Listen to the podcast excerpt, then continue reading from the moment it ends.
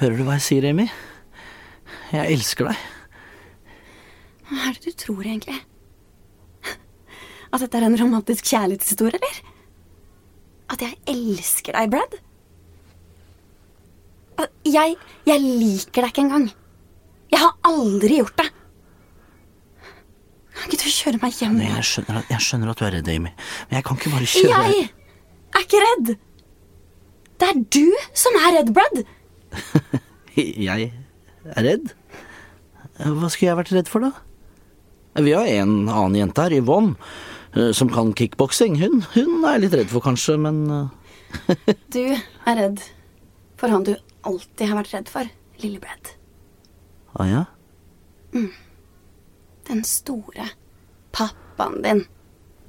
Du er redd for at han skal straffe deg som den skuffende drittungen du er. Han er ikke noe å bekymre seg for. For han er ikke her. Oh, jo da. Jo da, han er her. Se. Se, han sitter på skulderen din. Og det er til han du sier 'Jeg elsker deg'. Men det eneste du hører, det er faren din som sier at han At han faktisk aldri noensinne har elsket deg.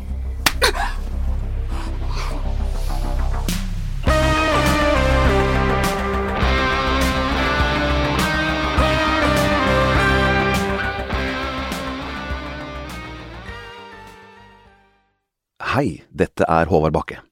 Du har nå hørt en smakebit av andre episode av Jo Nesbøs rykende ferske lyddrama Rotteøya. Er du Aftenposten-abonnent, kan du høre hele episoden nå. Bare gå inn på ap.no slash rotteøya for å høre resten av historien.